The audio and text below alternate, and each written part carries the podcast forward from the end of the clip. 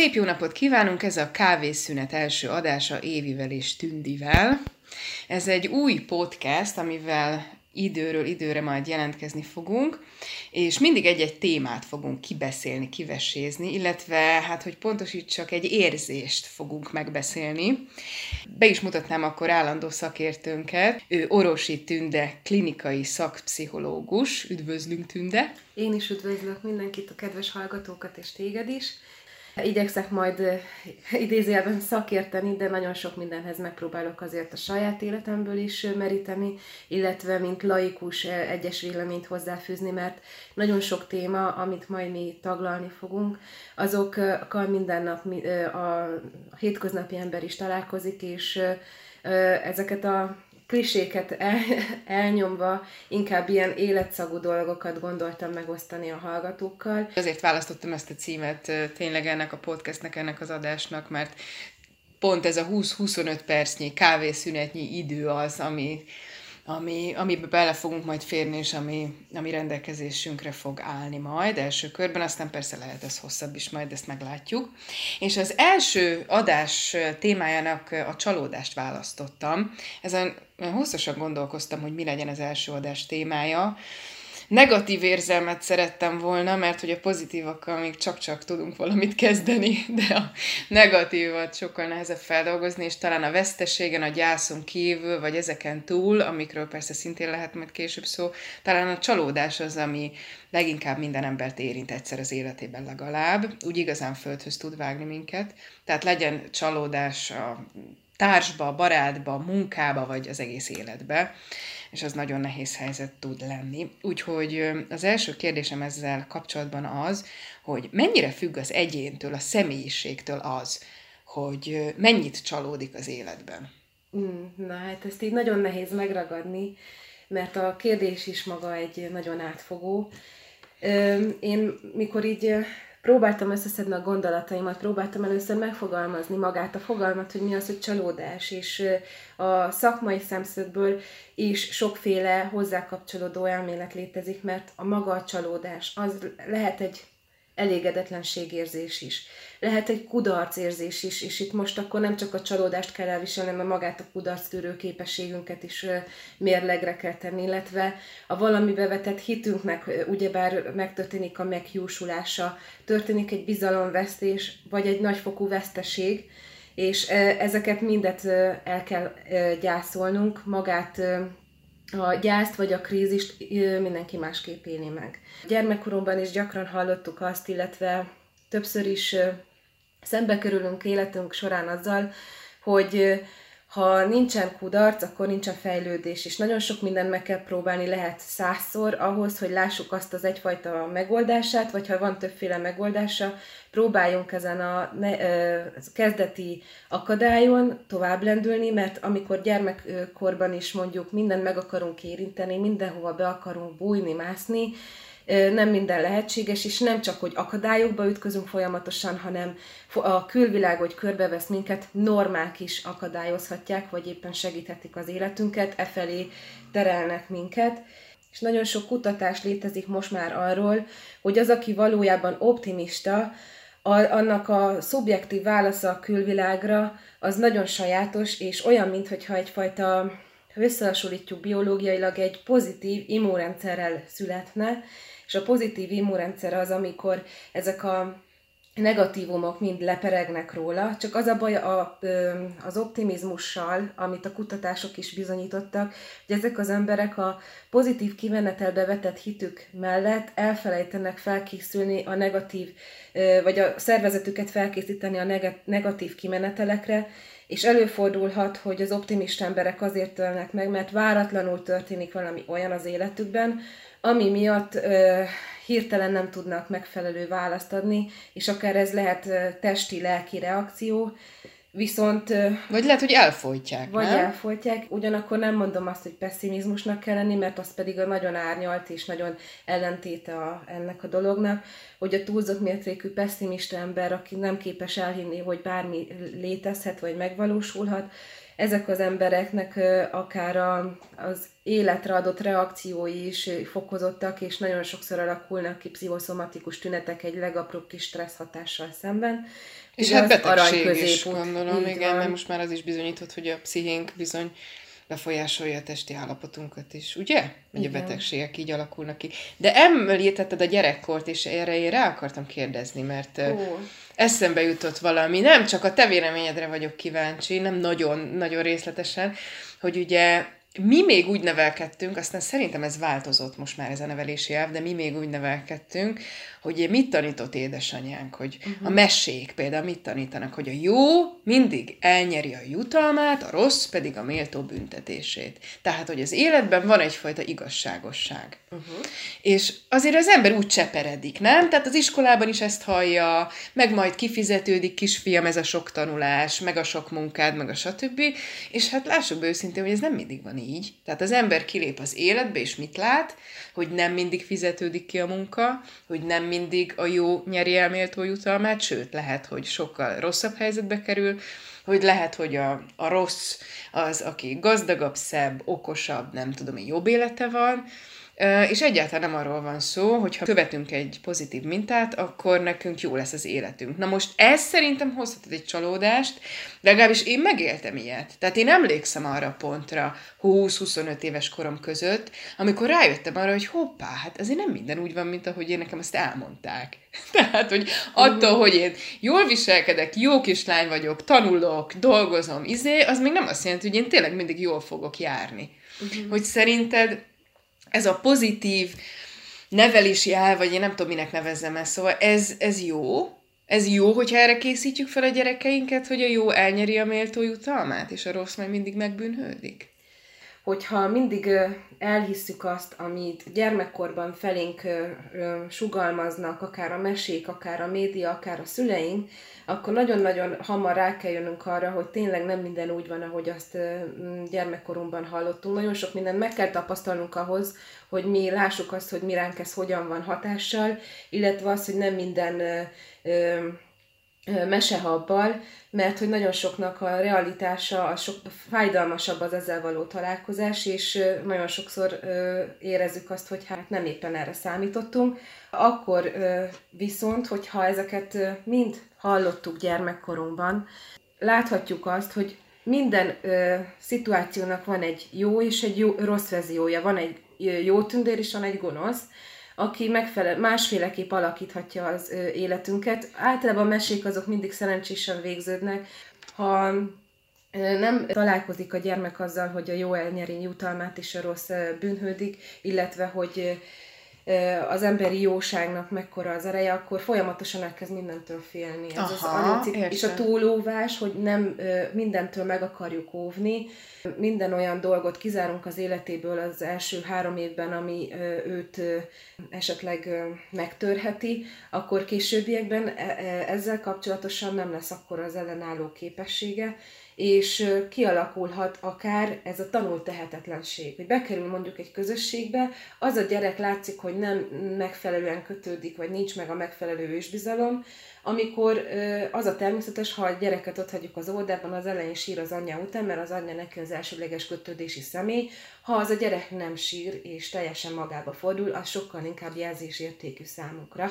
Illetve pont az ellentetje, amikor túlságosan is sír és hosszabb ideig nem lehet megnyugtatni, akkor pedig látszik, hogy a frusztrációja, uh-huh. félelem érzete erősödik. Na most vissza még az eredeti kérdésemhez, ez, hogy hogyan neveljük a gyereket a jó rosszra, Igen. és hogy melyik a jó, akkor azt mondod, ha jól értem, hogy a gyerek élethez való bizalma miatt bizalomérzés miatt neki mégiscsak fontos, hogy ezt tanítsuk, hogy a jó elnyeri méltó jutalmát, és a rossz pedig megbűnhődik, igaz? Mert így Igen. tud eligazodni a világban. Igen. Tehát hiába, hogy ez igazából ez nem első, igaz. Ez az első norma átadási Igen. felület, ahol átadhatunk egyfajta viselkedési morált, de ugyanakkor ezzel azt is átadjuk, hogy igen, az emberi jóságba vetett hit is néha elveszíti erejét, és hogy szembesülhetünk azzal, hogy nem mindig minden olyan happy. De ezt is el kell mondani neki? Én azt gondolom, hogy nagyon fontos, hogy ezzel tisztában legyen, de az is nagyon fontos, hogy mivel mindenhol azt látom, hogy milyen nagy szükség van arra, hogy olvassunk a gyermekünknek is, hogy mit olvassunk a gyermekünknek, milyen mesét nézessünk vele. Most már minden mesét kifordítanak, elemeznek, hogy annak mekkora nagy negatív hatása is vannak. Én azt gondolom, hogy inkább még mindig ezáltal ismerje meg a világot, és utána legyen egyfajta téma arra, hogy beszélgessünk róla, mint hogy nem olvasunk, vagy nem adunk át semmilyen mintát, mert maga az, hogy ő mit szűr le majd abból, amit mondjuk a tableten a kezében nyomunk a médiából, az egy nagyon sajátos dolog, és nagyon sajátosan értelmezik még az ő világukat. Úgyhogy ezért fontos az, hogy így ezeket közvetítsük a számára, illetve... Itt, a... had, hadd szúrjak közbe, nagyon érdekes, amit mondasz a mesékről, hogy az én kisfiam négy éves, és egy évvel ezelőtt megkapta a Piroska és a Farkas hát legújabb változatát egy ilyen kis képeskönyvben, egy ilyen kemény borítós képeskönyvben kaptuk meg az ő nagynényétől, és az a mese konkrétan ki lett herélve. Nem tudok rá jobb szót mondani az van, hogy a farkas nem eszi meg a nagymamát, és egyébként semmi erőszak nem történik a mesében. Egész egyszerűen egy háromoldalas történetet ö, csináltak belőle, mindenféle úgymond erőszak, amit ma erőszaknak hívunk anélkül. Tehát gyakorlatilag elvették a mesének a, hát szerintem lényegét. Már így kínálják az üzletekben, akkor elvész itt a, a gyermeki kreativitás, hogy hogyan lehet egyfajta problémát másképpen is megoldani, és már nem gondolkodnak azon, hogy milyen nagyon-nagyon rossz kimenetele lehet a dolognak, hanem ők már tárcán kapják azt, hogy minden olyan happy, és utána nagyon pont azért van az, hogy a mai világban egyre több a lelkisérült, a depressziós, az, aki a kudarcokat nem tudja meg, a csalódásokat, akár a szerelmi csalódásokat is megfelelően kezelni, mert ott a világ vége. Jó, lehet, hogy ennek majd szállunk egy külön adást a modernkori gyereknevelésnek, mert ez, ez azért tényleg elég nagy téma. Most ne vesszünk hát el ennek a részleteiben. Millió könyvem van, és millió téma van, és ahogy így szülőértekezleteket tartottam, ezért is gondolom, hogy később majd szülői fórumokat is fogok tartani így figyelemfelkeltés vagy érdeklődésfelkeltés szempontjából is, de hogy hát ott ha lehetett volna akár három-négy órát beszélni, akkor biztos kitöltöttük volna, mert annyi kérdés van. Hát gondolom. Ide kapcsolódó. Mert nagyon sok az információ is, ami bejön, és nehéz válogatni, meg hát az ember laikus hogyan válogasson. De most lépjünk túl a gyereknevelésen. Igen. Válasszuk el a csalódást, mint fogalmat, mert ugye Hát két nagy ág van, ugye a szerelmi csalódás, amivel szeretném, ma foglalkoznánk, meg a, a szakmai csalódás. Most a szerelmi csalódáson belül érdekel engem az, hogy miért van az, hogy amikor az ember csalódik a társában, a szerelmében, a partnerében, akkor ő önmagát érzi kevesebbnek és értéktelenebbnek nem pedig a partnert. Ugye bár mit mond a mai ember, hogy egy kapcsolatban ketten vagyunk, és hogyha bármi történik, ahhoz mind a ketten hozzájárulunk, és ezért fontos megérteni magát a kapcsolat dinamikáját is. Ez az egyik fajta irány, amit így említeni akarok, hogy lehet, hogy ezért váltja ki az emberekből a nagyfokú önhibáztatást, mert mikor megtörténik a probléma, és a másik mondjuk a távozó személy, amit el kell, hogy fogadjunk az elején, a, meg, a sok hatás, illetve a krízis, a gyász miatt nem látjuk azt, hogy éppen mi van a háttérben, és nem megérteni akarjuk, meg elfogadni a történeteket, hanem egymást kezdjük el hibáztatni, vagy az okokat gyűjteni, és az okok gyűjt, gyűjtése során rájövünk arra sokszor, hogy hol rontottuk el. Vagy ha nem is jövünk rá, akkor az a másik személy, aki éppen távozóban van, akkor mondja el, hogy mi a baja, és ezt hajlamosak vagyunk magunkra venni, és pont ezért, mert egy dologban ketten vagyunk, úgy érezzük, hogy ő egy kicsit egészben maradt, mert hogy ő tudott dönteni és kilépni, ezáltal, hogy ránk vetíti a, a az ő negatív érzéseit, illetve indokait, az, azzal azt éri el, hogy a felénk ez nagyon rosszul sül el, elkezdjük magunkat okolni. Ugyanakkor lehetséges, hogy ez egy okokozati összefüggés, és itt van a maga a tranzakcióanalízis is, hogy minden egyes történés egyfajta tranzakció, adok-kapok, akció-reakció, és nagyon fontos már azt az elején észrevenni, nem csak, hogy a kapcsolatban hogyan működünk, és folyamatosan ön, önmonitorozunk, hanem hogy már maga, hogy milyen kapcsolati, milyen szemét választunk magunknak a párkapcsolatban, mert nagyon sokszor ezt akár a családterápiás irányelvek szerint is vissza tudjuk követni, hogy hasonló választásaink lesznek az idő folyamán, és ez akár az apa-gyerek, anya-gyerek kapcsolatból is eredezhet, és ha maga gyermekkorban rossz mintákat kapunk, vagy egyfajta egy típusú megélési mintát tanulunk meg, hogy hogyan lehet egyfajta embertípussal együtt élni, akkor mindig lehet azt fogjuk látni elsősorban, azt fogjuk bevonzani, és utána... Mert az az ismerős, igen, ezt van, szokták és mondani. ugyanazt a fajta viselkedésmódot reprodukáljuk folyton, amit nem is veszünk észre, és lehet, hogy egyes emberek, akikkel találkozunk, egy idő után elérnek arra a fejlődési szintre, vagy arra a gondolkodási szintre, amikor már nekik ez lehet, hogy terhes, vagy nem éppen elég kielégítő, és ha valaki ebből kilép, akkor mi ezt nehezen tudjuk elfogadni, hogyha beleinvestáljuk szívünket, lelkünket, és egyfajta önmagunkat éljük meg újra ebben a kapcsolatban, mert ez nem csak a másik elvesztéséről, az én elvesztéséről is szól, és, és ezért, ezért, érz, és ezért érezzük magunkat értéktelennek, mert hogy magunkat veszítjük el, nem? És önbizalomvesztésről, önértékelési problémáról is beszélünk, hogy nem találjuk utána vissza mm, az utat önmagunkhoz sem. Ugyanakkor meg nagyon fontos, hogy minden egyes kapcsolatnak megvan a maga fejlődési szakasza, és fontos tényleg magát a kommunikációra fektetni a hangsúlyt, hogy hogyan kommunikálunk, mert minden egyes ilyen krízist nem mondom, hogy meg lehet előzni, hanem szem, láthatóvá lehet tenni az illető számára, és azt kell észrevennie, hogy ő is mennyire fontos ebben a kapcsolatban, nem pedig ő az az alárendelt személy, akinek folyamatosan meg kell felelni a másiknak, hanem az olyan kapcsolati síkon kell gondolkodnia és párt találnia magának, ahol az ő igénye is megfelelően kielégítődnek. Nehéz azért ezt tudatosan csinálni. Igen, én azt gondolom, hogy Sajnos a mai világban mindenki csalódik, már lehet kicsi kortól kezdve, de inkább jobb, hogyha fiatalon, mert akkor van időnk megtapasztalni azt, hogy milyen a nagyon rossz, meg milyen a kevésbé rossz, meg milyen az kísérletezni, ugyanúgy, mint a karrierválasztás során is, hogy merre akarunk elindulni, mert olyankor, ha megélünk egy valami nagyon-nagyon drasztikusat, nagyon érzelemtelét is, olyankor a tinédzserkorban a szerelem intenzitása is magasabb, akkor azt gondolom, hogy van egyfajta perspektívánk és látásmódunk arra, hogy milyen az, amikor ebből is van kiút, és elfogadni azt, idővel minden megszépül, mint ahogy a, a krízis és a gyásznak is van egy lefutási ideje, egy idő után másképp tekintünk a maga a kapcsolatra is, és ha megértjük azt, hogy a másik miért ment el, és elfogadjuk, és elgyászoljuk, sokkal könnyebben tudunk belemenni egy újabb kapcsolatba, ahol már másképp fogunk egy, valószínűleg működni.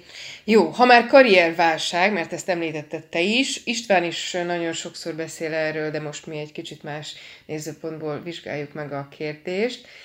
Ugye a karrier és a csalódás összefüggésében nagyon jellemző manapság az, talán korábban is az volt, de ma sokkal inkább felvállalják az emberek, hogy tanultak egy szakmát, vagy mondjuk ö, egyetemi szinten akár, egy tudományt, és rájönnek, hogy, hogy ők mégsem boldogok ebben. Uh-huh. Lehet, hogy már 5-10 évet csinálják, mondjuk jogásznak tanult valaki, 10 éve jogász, és azt mondja, hogy neki ez már nem, nem, nem, nem okoz örömet. És kitalálja, hogy most ő cukrász lesz, nem most ez nagyon trendi, hogy akkor ő most beiratkozik egy ilyen iskolába, és ő cukrász lesz. Ez mennyire normális szerinted? Illetve mennyire lehet fiatalon eldönteni, tényleg hát azért itt 16-18 évesen válaszút elő, el, állítják a fiatalokat, mennyire lehet akkor eldönteni azt, hogy tényleg mit szeretnénk egész életünkbe csinálni, mert ha én most végig tekintek az eddigi életemen, én 35 éves leszek, én szerintem 5 évente új ember vagyok. Tehát én, én most azt tudom mondani, hogy én 25 éves koromtól nekem olyan fázisai voltak az életemnek, hogy, hogy teljesen más, mint egy másik ember lennék. Tehát más az értékrendem, más, más, más fontos az életben, teljesen mások a prioritások. Jó, nyilván ez a időmúlásával is, meg az, hogy gyerekem született, ez is mind befolyásolta ezt, de mégis a kérdéshez hozzátartozik, hogy ha ez így működik, hogy az ember ennyit változik, ha nem is kicserélődik, de ennyit változik, akkor hogyan lehetne érvényes az, hogy 20 évesen kitanulok valamit, és majd 60 évesen is azt csinálom? Hát a régi generációink, azok ugyebár egyfajta szakmát tanultak ki, örültek, hogyha egyáltalán valamit kitanulhattak, és igyekeztek azért életük végéig abban a szakmában helytállni. Ott nem volt más opció, viszont a mai világban így annyira karrierfogalma is megváltozott, és a lehetőségek is megváltoztak, hogy most már így az ember nagyon tud ugrálni egyes karrierek között. Akkor ez egy kényelmes helyzet tulajdonképpen. Lehetséges, de ugyanakkor azért nem kényelmes, mert nagyon nehezen találjuk magunkat ebben a sokszínű világban, és nagyon nehezen tudjuk magunkat definiálni, illetve megtalálni a magunk talentumait hogy mire vagyunk hivatottak, mert amit nem úgy végzünk, amit örömmel csinálunk és hitvallásunknak gondolunk, azt egy idő után lehet, hogy terhesnek fogjuk vélni, vagy jönnek a megpróbáltatások, és nehezen tudunk energiát fektetni vele. Én úgy gondolom, hogy a mai világban ezt mindenki tanúsítja, a mi képzési rendszerünk az nagyon inkább elméleti sikulat, és nem tudjuk megtapasztalni azt a valóságban, hogy hogyan is működünk igazán, egy különböző helyzetben hogyan tudjuk megoldani a szituációkat, illetve milyen tartalékaink, képességeink vannak igazán.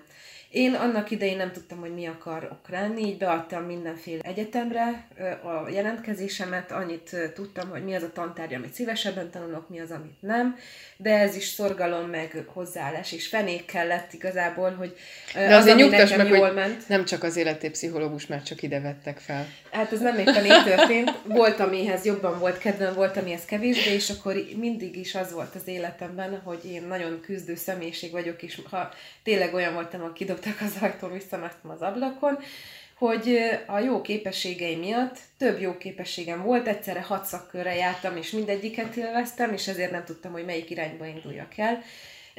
Rájöttem arra, hogy nekem a történelem megy, és ez olyan jó pozitív érzéssel töltött el, hogy valamiben van sikerélményem.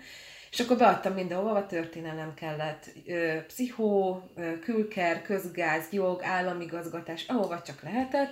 Minden egyes felvételi jól is sikerült, de én fontossági sorrendet állítok vagy inkább nehézségi sorrendet, ahova nehezebb bejutni, meg ami igazából a szívemhez közel áll, és akkor úgy mentem mindig lejjebb, és általában mindig mázni volt, mert mindig bejött az első. Azt uh, sugalmazzák a mai karriertanácsadók és coach világában, hogy hagyni kell magunknak, mikor ennyire bizonytalanok vagyunk önmagunkban, egy nagyon pici időt arra, hogy legyen egyfajta rálátásunk, vagy megtapasztalásunk arra, hogy egyes helyzetekben, egyes területeken mit, mi, mi hoz, mit hoz ki belőlünk, és csak azután döntsünk. Illetve... Hát csak erre nincs idő. Hát, hát az a baj, hogy nem tudunk egyszerre négy-öt szakmát ki, kipróbálni, ez szinte Nem is lehetetlen. kipróbálni, hanem vannak egyfajta a láthatatlan egyetem, egyfajta önismereti csoportok, illetve vannak pályaválasztási tréningek és pályaválasztási tanácsadók, ahol nagyon sokféle tesztel és vizsgálattal próbálják a te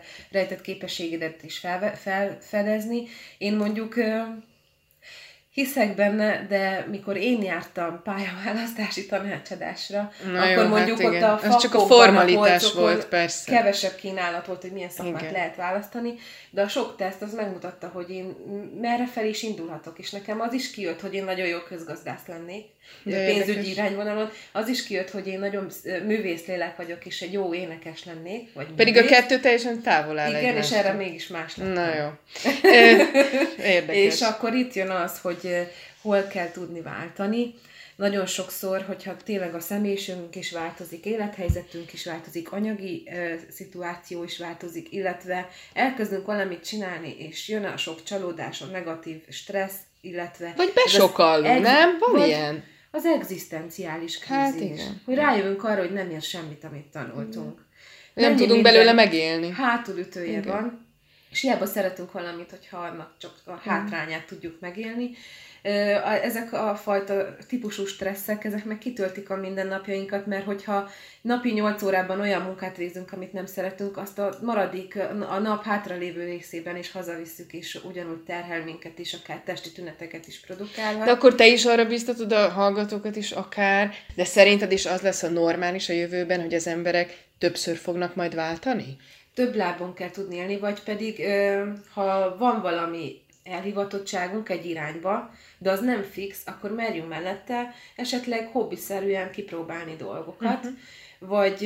Hát ez nem ördögtől való. Ez nem ördögtől való, csak az a legnehezebb, és ezt én a magam életéből merítem, én nagyon nehezen tudok váltani, nagyon nehezen tudom feladni, és sokszor nekem a századik pofont is el kell ahhoz viselni, hogy rájöjjek arra, hogy ez nem az én utam. És olvastam egy cikket nem olyan rég, amikor én is így mélyponton voltam, hogy én mindig azt kaptam mindenhol, hogy a kitartás az célra vezető, és soha ne adjam fel, mert mindig elé, eddig mindig érdekes módon értem a célomat, és soha senki nem erőltette a dolgokat, hanem én voltam magammal szemben maximalista. Sokan most már ezt a szemléletet vallják, hogy érezned kell, hogy ez nem a te utad. Ez így És el kell tudni engedni. És ez olyan furcsa, hogy én nem ebben a szemléletben nem. nőttem, hogy én a valamit elterveztem, én azt tűzön vizen át átvittem akkor is, hogyha lehet, hogy az éppen tőlem távol álló dolog.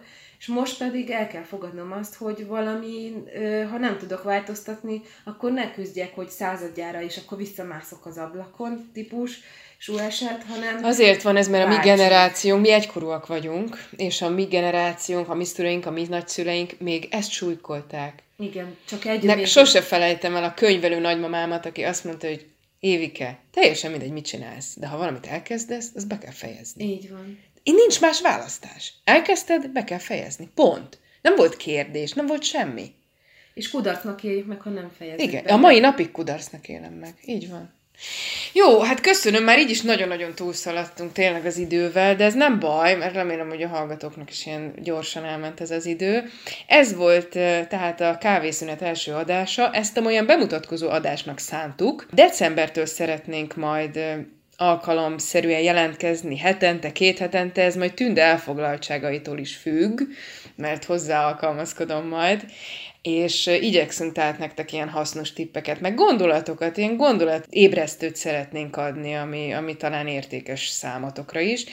Amiről én a következő alkalommal szeretnék beszélni, hát az is egy jó nagy téma, az az, hogy mi kell a boldogsághoz tudom, majd egy kicsit leszűkítjük, mert azért ez így fél órában eléggé komoly, de igazából az érdekel engem, ide tettem magamnak egy zárójában egy még szócskát, hogy mi kell még a boldogsághoz, mert hogy Szóval tényleg az a kérdés, hogy mikor mondhatjuk már el végre magunkról, hogy na jó, oké, most, most, már, most már boldogok lehetünk. Tehát mi kell egy embernek ahhoz, hogy hátradőljön, és azt mondja, jó, oké, most már nyugi, most már élvezd, most már, most már kapcsolt be ezt a, ezt a gombot magadon, hogy oké, most jól vagy, most minden megvan.